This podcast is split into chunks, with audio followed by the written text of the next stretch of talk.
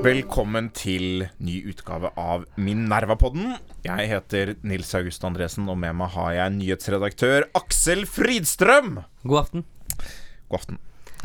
Uh, ja, i dag har vi et uh, spennende program, Aksel. Vi skal snakke om eh, striden i psykologifaget. Vi skal snakke om Ropstad og MDG, ukens snakkis på Politisk kvarter. Vi skal snakke om drømmen om en grønn jul. Og til slutt skal vi snakke om Anita Krohn Traaseth. Det var mange pakker under tre. Men før vi eh, skal gjøre det, så har vi også en overraskelse. Fordi at du, Nils August, du har jo bursdag. Det stemmer. Og da eh, har jo vi tenkt i redaksjonen at vi må jo forsøke å stelle i stand en gave, og vi har jo jobbet lenge og spinket og spart, og vi har forsøkt å til og med også henvende oss til regjeringen om vi f.eks. kunne gå sammen og spleise på lettelser i formuesskatten, men det har vist seg van vanskeligere enn det vi hadde trodd. Så, men det er mulig at du vil bli invitert til å sitte i et utvalg som kan se på virkninger av det på mellomlang, lang til, lang til mellomlang sikt. Men som det minste vi kunne gjøre, så tenkte vi i hvert fall at vi skulle gi, eh, som en symbolsk gest, da, gi mer til de som har mest fra før. Og da er det da altså en flaske champagne Oi. som eh, du kan få kose deg med. Tusen takk. Da viser vi den frem til alle lytterne våre. De får kanskje ikke se den, men seerne får det. Tusen takk. Vi skal prøve å ikke drikke oss fulle nå under sending, eh, Aksel. Ja, det har jeg allerede gjort. Det har du allerede gjort. Ja, Det beklager vi overfor våre lyttere og seere. Tusen takk. Vi Jo, får gå god. videre i programmet. Ja. Eh, første saken på agendaen Det er at vi har jo skrevet flere saker om en eh, pågående strid innenfor psykologifaget, eh, som da er aktualisert av eh, noen norske utenlandsstudenter som har studert psykologi i Ungarn, men som nå nektes eh, lisens, og som har saksøkt eh, staten for det, men nå da også, også tapt. Og én part der er jo da også til en viss grad eh, Psykologiforeningen, som også har hatt eh, oppfatninger eller uttalelser om hvorvidt disse bør, bør, bør få lisens. Og, og Nils August, du har jo noen synspunkter på dette? Ja, det er en interessant eh, sak. Altså Den konkrete saken som du sier er jo knyttet til eh, folk som har studert ved ELTE-universitetet i Ungarn. Eh, den saken har de nå tapt i første instans. Den vil formodentlig bli anket, og det kan komme flere runder der, og den kan havne i ESA-domstolen, for dette er jo et EØS-anliggende. Vi har jo nettopp hatt en liten skandale knyttet til eh, EØS-regler eh, i Nav, og dette kan bli en sak som ligner litt, fordi denne utdannelsen i Ungarn er jo godkjent i de fleste andre europeiske land. Og noe av argumentet hos uh, norske psykologer og hos myndighetene er at vår utdannelse og vår struktur er helt annerledes. Så får vi se om det bærer gjennom det rettslige. Men det som jeg syns er litt interessant, er, er nettopp det man ser med at dette har, har møtt mye motstand hos Psykologiforeningen. Uh, de vil kanskje uttrykke det på en litt annen måte, men vi har jo annet da eh, skrevet om at de har sendt ut et brev til sine medlemmer hvor de har noen klare synspunkter på på dette. Og, og det er interessant fordi det er jo stor mangel på psykologer i Norge. Det er lange behandlingskøer, og mange mennesker som trenger eh, psykologisk behandling, får det ikke, eller får det ikke i tide. Så man skulle jo tro at, at Psykologforeningen var opptatt av å få flere psykologer. Og i en viss forstand så er det jo det, men det som er interessant med en forening av den typen, og det er det som interesserer meg litt det prinsipielle her, er at det er en organisasjon som på den ene side er en fagforening, og som jobber for å bedre vilkårene til sine medlemmer, og på den annen side er, eller eh, forsøker å være, eller ønsker å være, en slags faginstans med en måte, omsorg for psykologifeltet i Norge i sin alminnelighet. Og det er en ganske stor spenning mellom de to funksjonene. Fordi det som er bra for norske psykologer, er ikke alltid bra for norske pasienter.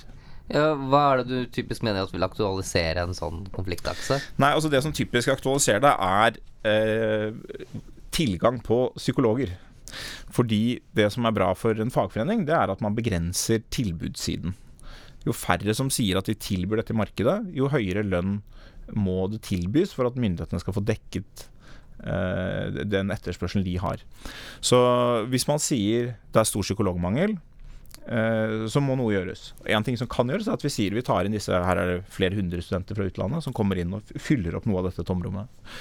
Eh, hvis det ikke lar seg gjøre, så må man jo på en eller annen måte få flere psykologer i Norge eh, på annet vis. Og den mest naturlige måten å gjøre det på, er å øke lønnen for å gjøre det mer attraktivt å være psykolog. For å få folk som kanskje er utdannet psykologer, men ikke jobber i feltet, tilbake. Men også for å få flere til å studere i Norge. Og de, Den spenningen er veldig betydelig, og vi finner den eh, blant psykologer. Vi finner den veldig tydelig også i Legeforeningen, som har en helt tilsvarende funksjon, og som i mange år måte har, har lykkes i å eh, få en rolle i samfunnsdebatten som en slags fagaktør med omsorg for, for pasientene, men som har en veldig tydelig også fagforeningskomponent med interesse for sine medlemmers lønninger. Dette minner jo litt om hvordan ofte drosjesjåførene og, drosje, og taxisjåførforeningen holdt jeg på å si, opptrer. Hvor de sier at ja, hvis det, liksom, hvis det kommer flere drosjer, da blir drosjetilbudet i byen mye, mye, mye dårligere. Men men det gjennomskuer vel som regel folk at det er tull? Ja, jeg tror på det. altså Alle fagforeninger gjør dette i noen grad. Alle foreninger, alle organisasjoner øh, jobber jo på denne måten. Bondeorganisasjonene jobber på denne måten, og Industriforbundet. Alle, alle har denne egeninteressen som de øh, med varierende grad av genuinitet ikler allmenne klær. Eh, men som du sier, altså det som ofte er tilfellet, er at vi forventer at det er sånn. Vi, vi, så vi, måte, vi gjennomskuer det, eller vi, tar høyde for at her er det en sammenblanding av private interesser og allmenne interesser. Men eh, noen organisasjoner har vært flinke til å å bli oppfattet som om de er mye mer enn en talsperson for allmenne interesser enn de er for sine egne interesser. Og i den kategorien kommer Psykologforeningen eh, og Legeforeningen, etter mitt skjønn. Og det mener jeg det er på høy tid å utfordre. Altså Man får diskutere om dette er eh, den riktige saken, det, kan, det, er jo mange elementer i en sånn sak, men, men, denne saken utfordrer det aspektet. Og det er en utfordring til politikerne, som må forholde seg til hva er viktigst for pasientene i Norge akkurat nå, er det å tviholde på en helt bestemt forståelse av kvalitet i psykologisk utdanning, som mange andre land åpenbart ikke deler?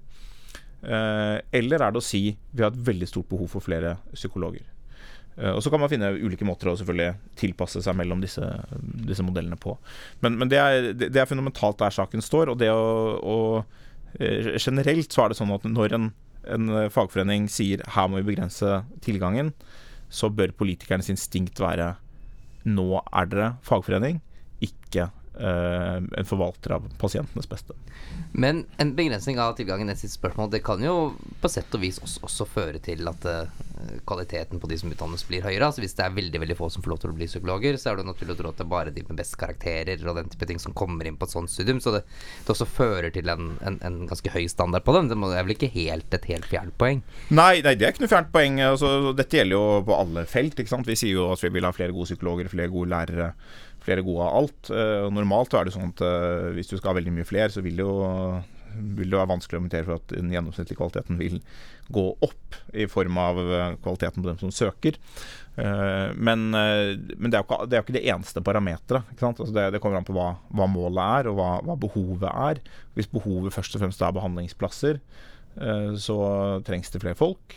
Hvis vi har et mer grunnleggende problem hvor vi sier behandlingen fungerer ikke fordi kvaliteten hos psykologen er for lav, for lav ja, da ser, da ser, spørsmålet helt annerledes ut. Men da er det jo også et spørsmål om det Da er det et spørsmål om behandlingen fungerer i dag også, kanskje. Det kommer an på typen behandling man tilbyr, typen problemer som skal behandles osv.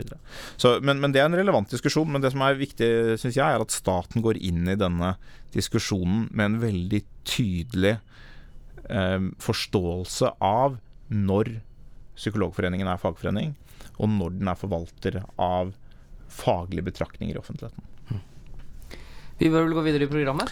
Vi skal gå videre i programmet. Eh, vi skal snakke om eh, menneskesyn. Ja. ja ikke, ikke Jung og, og, og Freud og sånn. Vi skal snakke om Ropstads menneskesyn og miljøbevegelsens menneskesyn, kanskje MDGs menneskesyn. For det har vært en sak denne uken, og det har vi også hatt noe skriverier om, Aksel. Ja, og det kommer til og med mer. Så det er de som, de som følger med på Nervepodden, de ofte, ofte vite om ting som blir diskutert på siden, før det faktisk kommer på siden. Så det er jo en, en, en fordel med å få høre med her, holdt jeg på å si. Men uh, Kjell Inge Ropstad er jo veldig kritisert fordi at han har sagt at uh, Uh, eh, MDG går langt i og, Eller ikke MDG nødvendigvis, men miljøbevegelsen. Mm. Uh, går, uh, noen av dem går så langt at de liksom likestiller eh, dyr med mennesker, da, og har fått veldig, veldig mye kritikk for, eh, for det. Mm. Uh, men jeg mener nok allerede altså Vi har jo kommet til å ta inn noen, noen innlegg på dette, men uh, jeg syns dette viser en del ganske interessante ting i, i norsk offentlig debatt. For det første er eh, i, hvor stor grad f.eks. hvem som er avsender av et budskap, får betydning for hvor sinte folk blir. Ikke sant? Altså det at eh, miljøvernere eller folk som er eh, veldig, veldig engasjerte i klimaspørsmålet, kan nærme seg det at man liksom likestiller dyr med mennesker. Altså det, er ikke, det, er, det er ikke helt ukontrasielt å si. Altså det finnes jo en del intellektuelle miljøer som faktisk mener det, at det ikke er så noe forskjell på liksom, mennesker og dyr.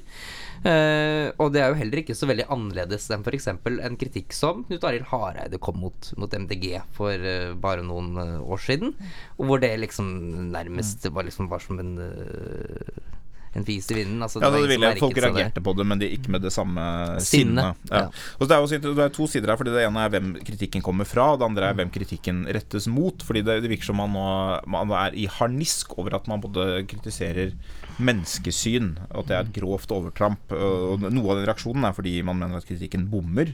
Øh, og det er, det er legitimt. Men noe av den går på at det å karakterisere dette som et dårlig menneskesyn, det er så grovt. Et overtramp. Og det, jeg er jo liker å være noe mer varsom um, i ordvalget. Jeg ville ikke brukt akkurat de ordene, faktisk, som, som Ropstad har brukt. Men eh, det er jo interessant altså, det er, sånn- det er Når man retter mot miljøbevegelsen, som, som vi snakket litt om i forrige utgave av Mineralpodden, som har en veldig sterk selvforståelse av at de er de gode, så blir harme over å få tildelt et dårlig menneskesyn Den blir måte desto sterkere. Det er klart at folk i Frp er, omtales jo med dårlig menneskesyn Hver dag. hver dag. Ja, altså, eh, KrF har jo omtalt deres menneskesyn som dårlig i, i mange tiår. Ja, iblant med, med forståelige begrunnelser. Men eh, Frp blir også harme. Men de blir ikke så harme, litt fordi de er vant til det. Og de får jo ikke den samme støtten i offentligheten. Så det måtte vise at det er Det ligger en sånn substansvurdering under om eh, både avsender, mottaker og, og innholdet i det.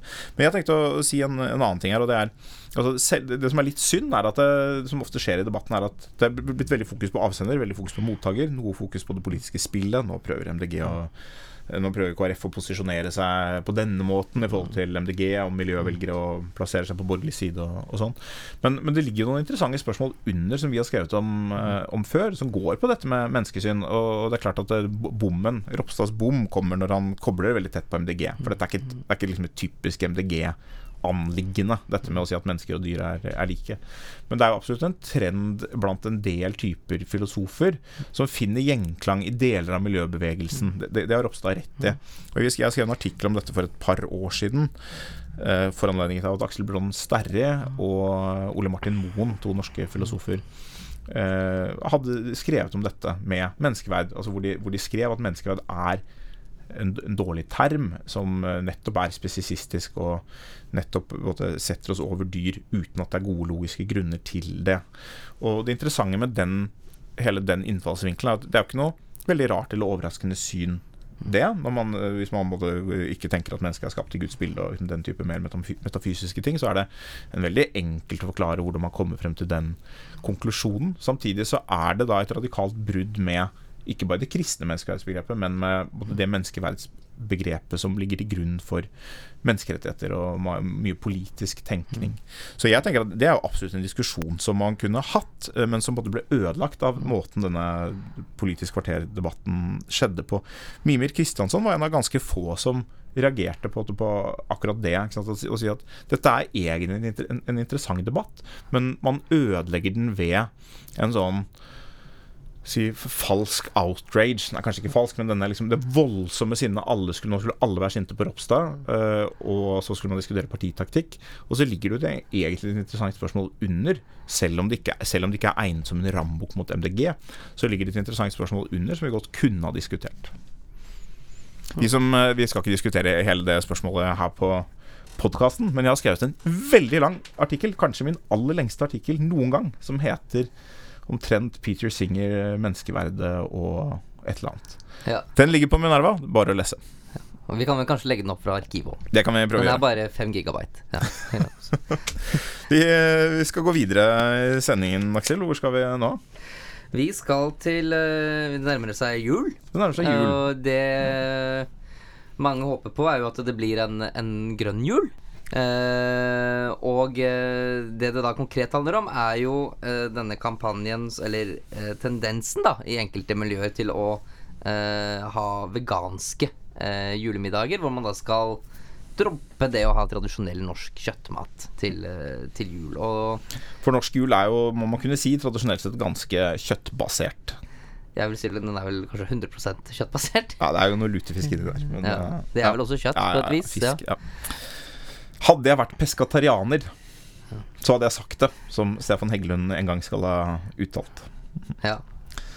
Men, eh, men hva, hva, hva er saken her? Hva, hva har vi skrevet om dette? Nei, altså der har jo Karin hos oss skrevet en, en kommentar som jeg syns er, eh, er veldig god, og som eh, går på det at dersom man eh, går inn for å liksom å ta fra folk, eller ribbe folk fra julemiddagen, da, så risikerer man nok heller at folk blir mette på klimapolitikk. Altså Ja. folk, folk går lei av den type tiltak. Og eh, det mener jeg det er ganske lett å argumentere for at det vil være tilfellet, fordi at eh, hvis du ønsker å fremtvinge atferdsendringer hos folk, da, så er det ikke noe om å gjøre å ta fra folk liksom én høytidsmiddag i året. Altså da ville man jo heller Hvis du ønsket at folk skulle spise mindre kjøtt, så burde man jo heller gått inn for noe som var ganske lite smertefritt, men mye effekt. Altså spis litt mindre kjøtt hver dag. Mm. ville du ha ganske lite effekt, men Eller det ville smertet deg ganske lite, Men men, gitt ganske stor effekt. Men her er det jo om å gjøre å finne det tiltaket som gjør mest vondt. Altså, ta, ta bort det én festmiddag som du har gledet deg til, og som da har nesten ingen effekt, for at det er bare jul liksom et par, par dager i året. Altså jeg kan tenke Eh, meg hva, hva er årsaken til at man gjør noe sånn? Hvis man skulle gitt den mest velvillige tolkningen, så kunne man på en måte si at det å ta de aller mest symboltunge, selv om de ikke er virkningsfulle, kampene først, da eh, tvinger man på en måte frem en uh, mentalitetsendring. Dette, dette er sånn omtrent som kommunistene drev på i Sovjetunionen. At man på en måte tok Man på en måte hadde noen sånne symbolske, ekstreme seire som, som knakk all motstand, om du vil. da Men eh, jeg tror det er veldig sannsynlig at det er virkningen her. Mot, motkreftene åpenbart eh, forsterke. Men når det likevel gjøres, så tror jeg at eh, Sånn som i Oslo-politikken, hvor dette jo da er blitt eh, innført av politisk vei, så, så er det jo partier som har noe å tjene på dette. Og det er en, Man skaper en polarisering der eh, fordi det er et så symboltungt tiltak, så vil det få sterk støtte fra en liten minoritet. Men den minoriteten er allikevel stor nok til å kunne være politisk gunstig, spesielt da for MDG. Og for MDGs velgerkalkulasjon, og det er ikke sikkert de sitter og tenker så kynisk, men jeg tror kanskje det ligger under på en eller annen måte analysen som gjøres, enten implisitt eller eksplisitt.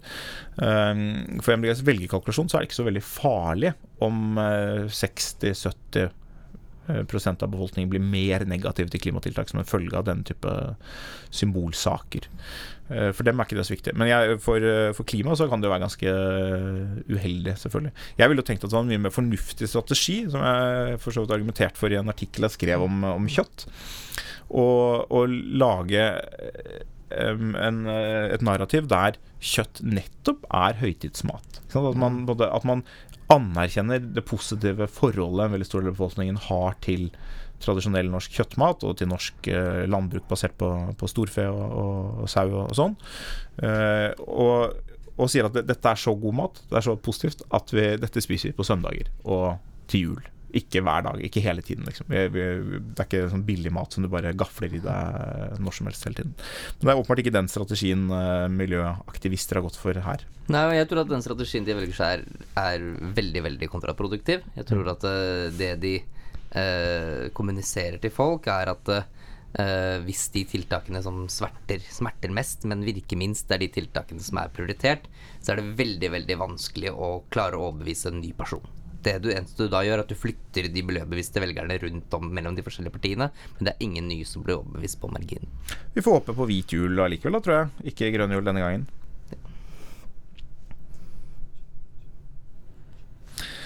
Ok, da skal vi til eh, den siste saken i dag. Hva er det for noe, Aksel? Det eh, handler om eh, medieyndlingen eh, Anita Krohn eh, Traaseth. Eller egentlig ikke nødvendigvis bare om hun, men hun har skrevet en kronikk i, eh, i Aftenposten, vel, og fått et svar på NRK Ytring, men hvor det svaret nå er eh, trukket. Ja. Det har vi fått. Det, jeg synes det er en interessant sak. Det er jo da andre gang i løpet av kort tid at NRK avpubliserer innhold som de har publisert. Forrige gang var det denne Sagen-saken. Nå er det da Den gangen var det jo på, på initiativ fra Tore Sagen, som gjør det mer forståelig, selv om den episoden hadde sine uh, aspekter, som vi snakket om uh, forrige gang, tror jeg. Men uh, denne gangen så var det NRK som valgte å avpublisere, så vidt jeg forstår, ikke i samråd med forfatteren. Det er en interessant sak. altså Forfatteren av dette innlegget er spesialist i barne- og ungdomspsykologi. Han heter Eistein Våpenstad. Og skrev et innlegg som het omtrent 'Overklassens omsorgssvikt', eller noe sånt. Som var et svar på på Tråseth hadde skrevet om hvordan man kombinerer det å være leder med å være forelder. Ja. Uh, og Våpenstad mener vel at det uh, går langt i å si at hun sier at man ikke trenger å ta så godt vare på eller være så mye til stede for sine barn. da ja, så, Dersom man det, uh, har, er ambisiøs nok som leder, så må du liksom Det er veldig mye man kan si om Våpenstads innlegg. Jeg var veldig kritisk til det da jeg leste. My mye av det er veldig sterkt uenig i. Men hvis man skal både være veldig velvillig og trekke frem en essens i det, så sier han jo omtrent noe sånt som at det er en trade-off mellom karriere og, og omsorg av barn, og mange foreldre har en tendens til å um, si, lure seg selv litt ved å si at den trade-offen ikke er der. Uh, at man da sier sånne ting som at vi, vi må tåle å ikke alltid rekke å smøre matpakker til barna våre. Og, og man kan ikke alltid være perfekt og sånne ting, men det, i realiteten dekker det over at man ikke eh, gjør valg som er best for barna, man gjør valg som er best eh, for seg selv. Det er argumentet. Og så går han veldig langt i en veldig krass språkbruk og kaller det omsorgssvikt, som eh, jeg tror er vanskelig å si at han har noe belegg for, i, det, i tilfellene Tråseth snakker om, i hvert fall. Og, og han går også Det mest problematiske med kronikken er at han også da direkte eksemplifiserer dette med Tråseth og hennes barn. Og Det er jo eh, tvilsomt etter Vær varsom-plakaten punkt 4.8, hvor man skal være varsom med omtale av barn som kan identifiseres, osv. Så, videre.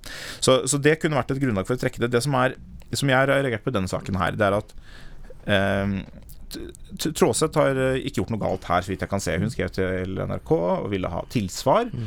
Og så skrev hun at hun syntes det var problematisk, eh, dette med omtalen av hennes barn, og ba om at det ble endret. Og det ble det. Så Først ble dette mm. altså da endret. Den, denne aller mest problematiske passusen den ble tatt ut. Men så, etter at de hadde endret det, så trakk NRK likevel artikkelen. Og I mellomtiden hadde selvfølgelig artikkelen skapt masse storm i sosiale medier på at man hadde trykket noe sånn reaksjonært og kvinnefiendtlig. Og det er vanskelig å skjønne noe annet enn at det er disse reaksjonene som har vært bakgrunnen for at NRK valgte å avpublisere denne kronikken. Det er veldig mange som, veldig mange som har reagert på den over hele det politiske spekteret. Eh, men, men eh, jeg mener jo at det er veldig problematisk for en allmennkringkaster å gjøre det. Fordi Altså det, eh, hvis man skal ta de argumentene som er hos våpen, så, så er det Uh, det, det, er som jeg måte sa, det, det er uh, en trade-off. Og så kobler han det tettere på en måte til kvinnen. ja, altså Han nevner mannen ofte i parentes. Og mannen, eller, eller mannen. Men det er tydelig at han skriver om kvinner og han forventer at de skal ta seg liksom ekstra av barna. Og så er spørsmålet kan, kan man publisere noe som er uh, såpass tradisjonelt gammeldags, reaksjonært, kvinnefiendtlig i en norsk avis. Og eh, jeg mener at det må man kunne. Det er kortversjonen. Det må man kunne gjøre. Fordi det er en ganske stor del av befolkningen som mener omtrent dette her. Det er et flertall av kvinner som oppgir at de ønsker å være mer hjemme med barn. Eh, det er en debatt som går i en mye mildere og bedre form andre steder og hos andre kvinner. Anne-Marie Slaughter, en kjent amerikansk eh, skribent og og leder hun har skrevet en bok som heter 'You Can't Have It All', hvis jeg husker tittelen riktig. Som, som, tar opp disse temaene og på en måte sier at det er som, som forelder, men kanskje spesielt mm. som mor, så er det en krevende trade-off. Og så kan, kan, vi på en måte si som progressive at ok, løsningen på dette er uh, mer likestilling. Det er, det er, ikke en full løsning, fordi det fjerner jo ikke det tilgrunnliggende dilemma, men det gjør det likt for kvinner og menn. Uh, og man kan legge det bedre til rette på arbeidsplassen og sånn. Men jeg tror men men denne Våpenstad også er jo, er jo en, en, en, person som har en betydelig ekspertise. Altså det er jo en fagperson som øh, jobber med, med barn som har øh, opplever et sett problemer. Og uh, er, det, er, det, ikke et ekstra stort problem at nettopp når en person som har en viss ekspertise på noe, uh, altså uavhengig av hva hans politiske oppfatning er, men han har i hvert fall en, en ekspertise som kan være verdt å høre på, ikke får lov å være med å diskutere dersom han mm ikke passer inn i allerede etablerte oppfatninger. Jo, jo det, er, det er jeg helt enig i. Det, det er nettopp det som er måte noe av problemet. Eh? Det, er klart at Kronikken hadde en veldig spiss form, en unødig spiss form, men, men det ligger noen grunnleggende problemstillinger under her. Og jeg tror hvis, hvis vi hadde tenkt oss at denne kronikken var skrevet med motsatt kjønnsfortegn, så hadde skrevet eh, sånne meglere og eh, sånne finansfolk eh, jobber som f.eks. i etterkant av Exit-serien. Her ser vi hvordan måte, karrieremenn eh, Driter i driter i familien sin med, med dårlige konsekvenser for, for familie og for barn, så ville ikke det vært kontroversielt på samme måte. Eh, Så når det er det overfor kvinner, så handler det selvfølgelig om at det pågår en kamp for at flere kvinner skal kunne bli ledere, og så blir dette på en måte et slag mot den kampen. Og det er det mulig å forstå. Men det som blir et problem, er da sant, at det blir et helt sett med i en viss forstand relevante observasjoner og påstander som blir tabu. Og det mener jeg prinsipielt er farlig. Det- skaper en sånne En avstand mellom noen dogmer og noen observerbare trekk, eller i hvert fall det som mange mener er observerbare trekk i virkeligheten, som, som da mangler et språk. Og det, i den mellomrommet så oppstår det ofte sinne og motstand mot eh, måte, rådende dogmer som ofte bringer mer negative synspunkter inn. Og, en sintere form. Da? Hvis vi hadde kunnet diskutere dette rolig hele veien og si her er det en trade-off, og så må vi håndtere den. Og da kan man også si, ikke sant? Man, det er noe jeg mener foreldre av og til kunne vært flinkere til å si, at av og til så gjør man prioriteringer som man ikke er sikker på at det er til det beste for barnet, men man syns at det er så viktig allikevel, av hensyn til seg selv, at man må for at Noen ganger er det barnets godt nok, er godt nok. Det er ikke alltid barnets beste må ligge til grunn. Hvis man måtte kunne ha litt lavere skuldre på det, så vil det være mye lettere å diskutere alle de avveiningene som gjøres hele tiden på dette feltet. Barnehage, pappaperm, mammaperm, øh, hvor mye man jobber når.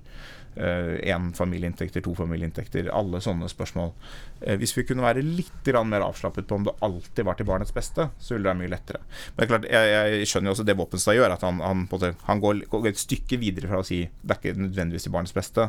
Så han går et stykke videre derfra og kaller det omsorgssvikt eh, hos Tråstad. Det er klart at det er eh, det er det lov å reagere på, men når NRK har trykket denne kronikken fra en spesialist i barne- og ungdomspsykiatri eller psykologi, og så velger å, å trekke den på bakgrunn av disse reaksjonene selv etter at man da har fjernet det som absolutt eh, kan sies å være VVP-problematisk, eh, altså, i strid med Vær varsom-plakaten med identifisering av barn, så, eh, så vitner det om et eller annet ved at NRK ikke helt klarer å stå i å ha publisert noe som er upopulært.